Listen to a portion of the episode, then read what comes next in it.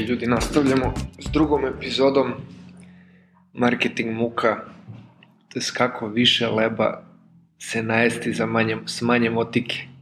Izdvojio sam ovde nekih 15 pitanja pa da vidimo koliko ću stići da ih prođem sada.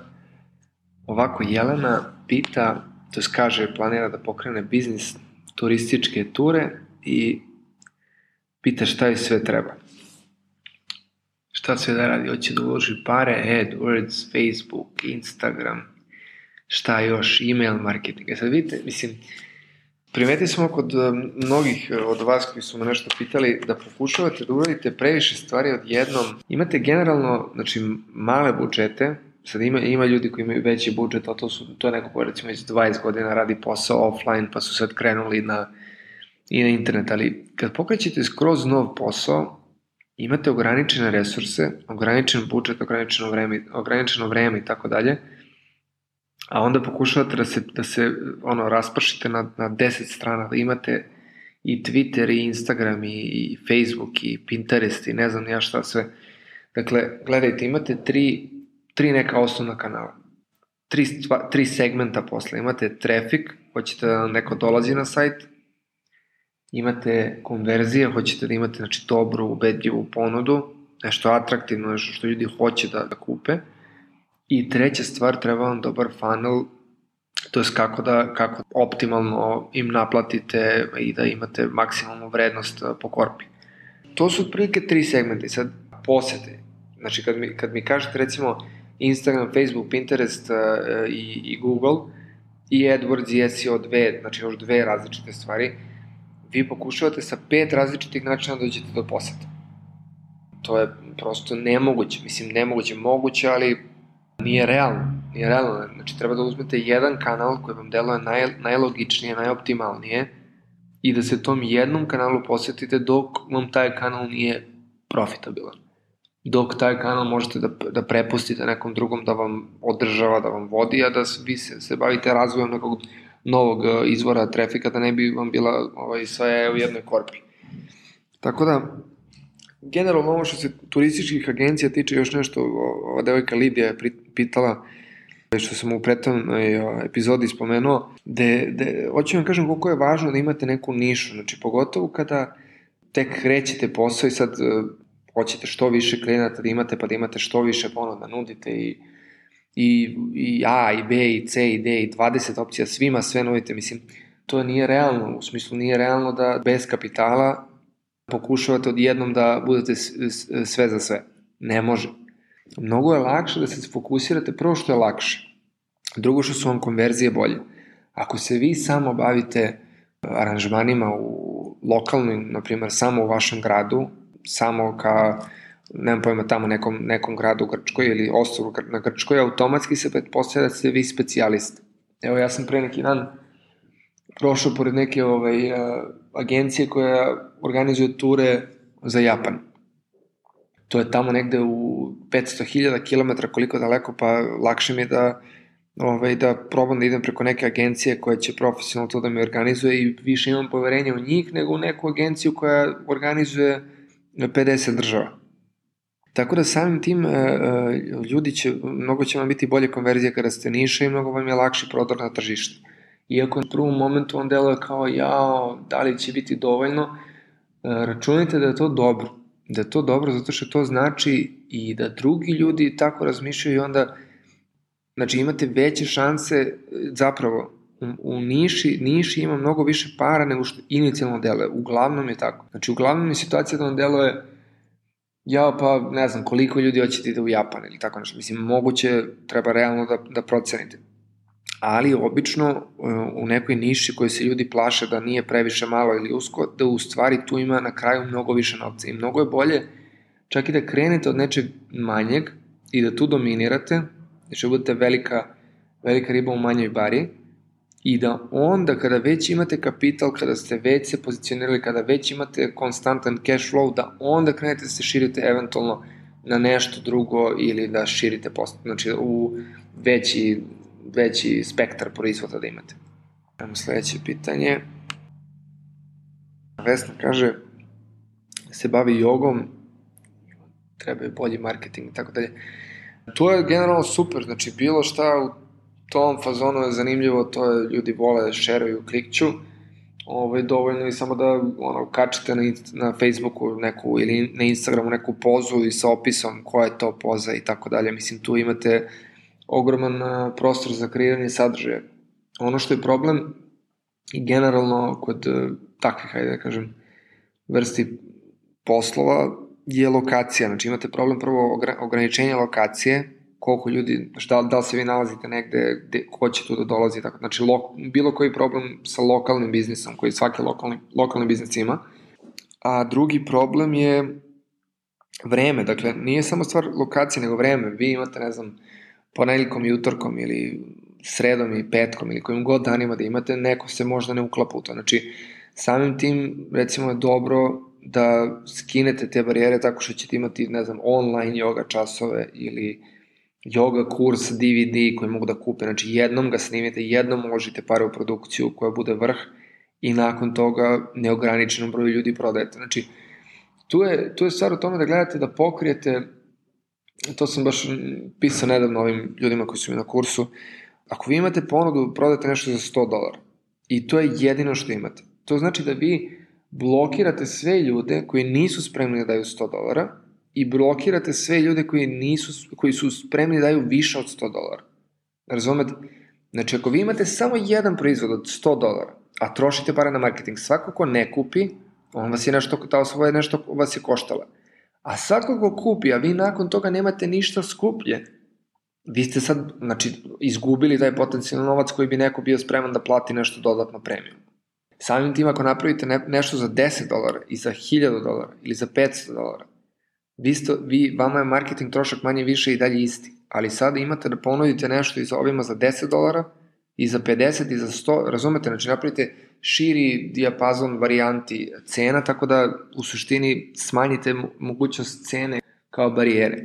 I tako, na primjer, ova devojka što je zanima yoga, može da radi svašta, ali opet uh, ima plafon, ima plafon taj prostor, koliko ljudi može da uđe u, u, u jednu salu, da li može 10 ljudi ili 15 ljudi da radi jogu isto vreme.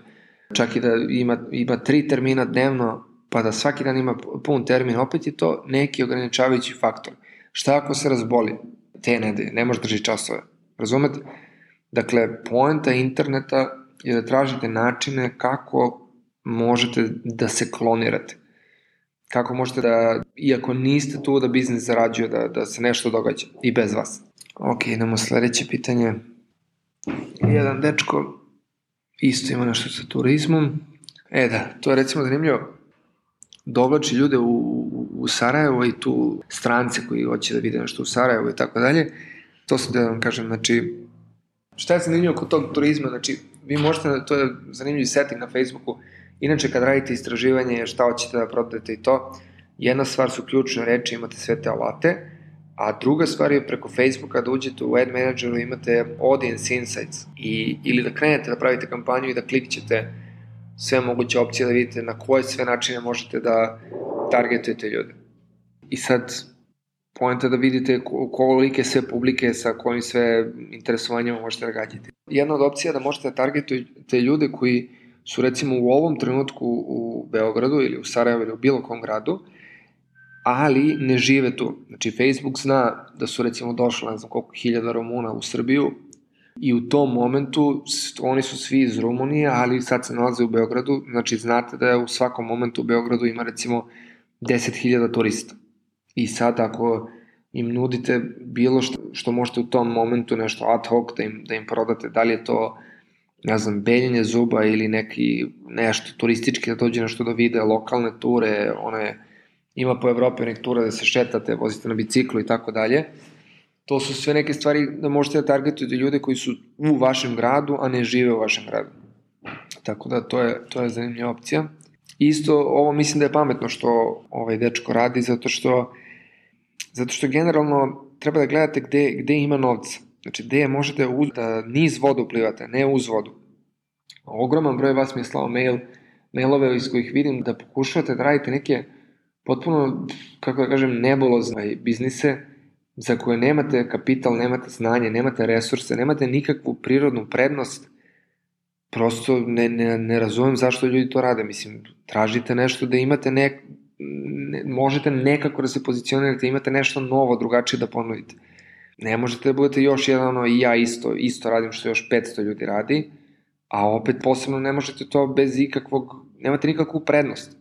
Recimo, logičnije je meni, barem iz, iz turističkog aspekta, logičnije je da, do, da turistima koji dolaze recimo u Srbiju ili gde god da živite na Balkanu, dakle, logičnije je njima prodati nešto jer oni dolaze sa, sa lovom kod nas. Nego da se tu sad lomite da nekog paradajz turistu šaljete u, u Grčku, idu za 200 evra 10 dana i gde ćete biti, koja je vaša tu marža? Prosto vidim dosta vas isto radi neki biznis gde nemate nikakvu maržu, mislim, jednostavno morate da imate prostora za marketing. Vi ako prodajete nešto gde je percepcija vrednosti proizvoda toliko niska da vi, vi nemate neku dodatnu vrednost da napravite, nemate prostora, nemate, nemate od čega da radite marketing, nemate ni profit odakle. Tako da, kažem vam, dosta vas se bavi nekim poslom gde, gde plivate uz vodu i mnogo vam se više isplati da, da batalite to i da nađete nešto gde, gde je percepcija vrednosti veća i gde možete mnogo, mnogo više da zaradite po klijentu. Dobro, ajmo sledeće pitanje. Jasmina kaže, sad ona kaže, njoj sve muka, ne zna šta da radi, ima gomilo ideja, pravi, pravi neke heklane krpice, torbe, suknje, haljine, od recikliranog tekstila i tako dalje, sa puno od kozijeg mleka, a ima i kozji sir. Sve je to lepo, kreativno, ali to je ovo što sam vam pričao u prethodnoj lekciji, da ne gubite vreme radeći nešto što je vama neka pasija posebna, jer kod nas, pa, e, meni je žao što je to tako, ali šta, šta da se radi, treba biti, treba biti realan. Dakle, mi nismo tržište koje ima viška para. Ili, ili imate siromašne ili imate bogate. Slabo ima srednje klase, znači slabo ima ljudi koji na kraju meseca imaju viška para da kupuju, da izvinete, gluposti koje im ne trebaju da, da, da se Jasmina ne uvredi, ali postoje neke elementarne stvari koje, na koje mi, za koje mi imamo novce. I to, nažalost, nisu takozvane te spare time aktivnosti, neke, neke dodatne stvari. Tako da, vi u razvijenim tržištima, ne znam, recimo u Evropi, ljudi imaju platu 2-3 hiljada evra, kad plate sve što im je neophodno, ostane im 500 evra svaki mesec. I od tih 500 evra mogu da idu da kupuju razne gluposti. I zato cvetaju neke radnje, imate razne prodavnice da prodaju neke, prosto vam nije, nije jasno kako oni uopšte uspiju da pokriju troškove rente, zaposlenih, poreza, ovoga, onoga, ali evo zašto mogu, zato što i svaka osoba, maltene svaka osoba, kasirka, svaki mesec ima viška 200, 300, 400, 500 evra s kojima može da kupi i ima izvestan život, može sutra dobije otkaz, nađe drugi posao, opet dobije otkaz, nađe pa ako opet dobije otkaz, bude godinu dana na, na socijalnom, dobije i dalje neke pare, pa i, mislim, razumete? Tako da mi nismo zrelo tržište za tako neke lepe, fine, ne znam nija kakve stvari, više smo, ne, nerazvijena smo tržište, tako da jedino da proizvodite nešto pa da možete da e, izvozite u inostranstvo ili tako nešto, ali to, to vidim kao pro, problem. Takođe razmišljajte o tome da mnogi od vas imaju, imaju neke zanimljive ideje gde biste više para zarađivali obučavajući druge kako to da rade, kako isto to da rade, nego sami radeći to. Recimo, mnogo, ako već pravite fantastične sapune, bolje uzmite, napravite kurs kako da pravite sapune i da ih prodajete i to će više ljudi da kupuje nego koliko će ljudi kupiti vaš sapun. Znate onog uh, Roberta Kiyosakija, možda se čuli za njega, onaj bogati otac, siromašni otac on recimo navodno ima neke silne ovaj, pasivne prihode, real estate, ovo ono i tako to, a, a, a 300 dana u godini uh, drži kurseve ljudima kako da zarađuju pare. I sad vi razmislite, dobro, ali on više zarađuje od toga što drži te, taj, te svoje seminare ili više zarađuje pasivnog prihoda od, e, od real estate. Kapirate? Dakle, često možete više da zaradite obučavajući druge ljude ed, kroz edukaciju, To je recimo nešto tu u što ljudi hoće da, da, da uložu pare, nego što ćete direktno kroz prodaju svog proizvoda. Ajmo dalje. Dušan se zove, Dušan pravi ovaj, eterična ulja. To je super. Kaže, bavi se ti već 20 godina, svaka čast, odlično. Ovo je očigledno funkcioniše čim dugo radite. Kako da kod kupaca stvorim jaku želju za mojim proizvodima? Dakle, E, pogledao sam sajt, sajt je ok, nije baš neki branding, nema dobru o nama stranicu, nema landing page za poseban proizvod. Razmislite o tome da vi od nekog običnog proizvoda možete napraviti jednu dugačku, veliku priču, zanimljivu priču. Mnogi od vas su vrlo onako kratki sa opisima za neke proizvode, ne, ne ubacite nikakvu priču, nikakve emocije, znači ljudi, ljudi ne kupuju samo na bazi logike. Aha, cena je ova, treba mi ovo, gotovo. Razumete? Znači treba vam, treba vam neka, neka duža priča, duži kopi. Mnogi od vas se plaše da ne bude kao previše dugačko, da ne smarate ljude, neko ko je zainteresovan za vaš proizvod. E, bi radije da čuje više nego da čuje manje. Vi im dajte sve informacije, pa i više, dok nije dosadno. Znači, dajte im što više informacija, pa neko, ako je to lepo napisano sa podnaslovima, sa nek, nekom logikom, e, neka oni skeniraju sadržaj, pa neka se fokusiraju na onaj delić, na onaj deo informacija koji ih više zanima. Ali je to opet mnogo bolje nego da im neke informacije nedostaju.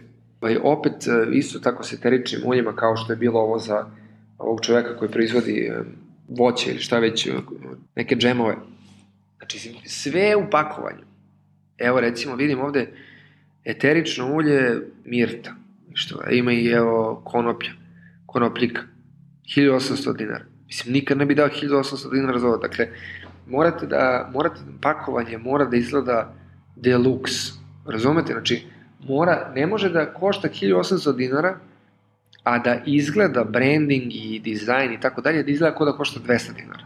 Kapirate? Znači, morate da napravite e, suprotno, da, da izgleda kao dobar deal. Vidi kako ovo izgleda, a samo 1800 dinara. Kapirate? Tu je, tu je stvar u konverziji. To se isplati e, investirati u, u takve stvari. Dalje, recimo, evo kad kliknemo jedan taj, samo jedan taj proizvod, inače nemate pixel, morate Facebook pixel staviti. Ima, pa ok, ovo je već malo duži opis, nije loše, ali opet e, nije to to, jednostavno ne može ovako sitan tekst, e, ne možete staviti, aj sad ne mogu jedan po jedan da, da objašnjam, ali ne, e, morate da stavite u jednu, u jednu ravan. Ne možete da stavite iz leve i desne strane da bude, ovaj, nego je fokus na, na, na tekstu. Tu je sad malo problem miksa kad pravite nešto što vam deluje kao e-commerce, a u stvari nije e-commerce. Mnogo je bolje da imate dužu priču. Idite, vidite na Amazonu, Na Amazonu ima puno tih eteričnih ulja, e, mislim da se zove doTERA, jedna od tih marki. Sad ima puno te eteričnim uljima svašta možete da rešavate razne probleme. Glavna stvar je da se fokusirate na problem. Ne da kažete evo ovo je moj proizvod, nego recimo a vi imate anksioznost, strahove, stresove, ne znam ja šta, i sad postoje razna ulja koja smanjuju stres, koja vas smiruju. Ili imate insomniju, ne možete da spavate, e, evo imate ovo ulje, namažete ovaj, ispod nosa i zaspite kao top. E, dakle, fokusirate se na, na problem, pričate o njihovom problemu i onda pozicionirate svoj proizvod kao rešenje. A ne od, odmah da krećete da pričate o svom proizvodu. Razumete? Ljude zanima samo oni sami sebe zanimaju. Dakle, ako hoćete da se, da se, da se dopadnete ljudima, pričajte im o njima. Znači, pričajte im o njima imate onu čuvenu knjigu ovaj, How to win friends and influence people, nju pročitajte, dakle to vam pomaže za kopi da vidite kako da, kako da pristupite ljudima na sajtu. Aleksandra, kažem, zaposlena mama, dvoje dece, hoće da pokrene nešto samostalno, ima razne ideje, ali ne zna kako da ih materializuje i odakle da počne. Ok, znači, evo, Aleksandri, posebno da odgovorimo, dakle, apsolutno razumemo ovaj, oko manjka vremena, Poenta je da ako svaki dan samo 15 minuta radite na nečemu, znači tražite nešto sitno, nešto sitno, neka niša gde možete content marketing, neki blog da pokrenete, da pišete na neku sitnu temu, ali dug vremenski period. To je, to je naj, uh, najjednostavniji način da se nakupi efekat vremena. Kažu, na primjer, ako vi 15 minuta dnevno čitate pred spavanje, za 7 godina ste navodno pročitali 100 klasika 100, ne znam, naj, najčuvenijih klasika u istoriji. Ne, pročitali ste za 7 godina i Janu Karenjinu i ovo i ono, ne znam ja koje sve, sve što smo imali da čitamo u srednjoj školi, a nismo, to ćete sve da pročitate za 7 godina ako čitate samo 15 minuta dnevno. Tako da ne pokušavajte sve odjednom, e, imate utisak da morate da radite 15 sati dnevno, ovaj, a nemate to vreme, nego uzmite sitno neki blog, neka mikro tema koju ćete se posvetiti ovaj, dublje i detaljnije nego bilo ko drugi. Eto, to, to je najlakši način da, da steknete samopoznanje, da krenu neke posete, da krene neko nešto da kupuje. I tu je takođe dobro da kad krenete već imate otprilike ideju šta biste mogli da prodajete. Ako napravite content site koji ima samo posete, to vam u suštini ne vredi ništa. Dakle, e, džabe vam sajt od 100.000 poseta dnevno ako neće niko tu ništa da kupuje. Treba dobro da, mnogo je bolje da imate od starta da ste zamislili šta biste otprilike tu prodavali, šta bi otprilike tu ljudi hteli da kupe i da sa tim krajnjim ciljem ovaj, na umu onda kreirate sadržaj. Umesto da prvo kreirate gomilu sadržaja i da onda pokuš, pokušavate da smislite šta tim ljudima sad uvolite. Šta je njima relevantno. Šta kaže Miloš?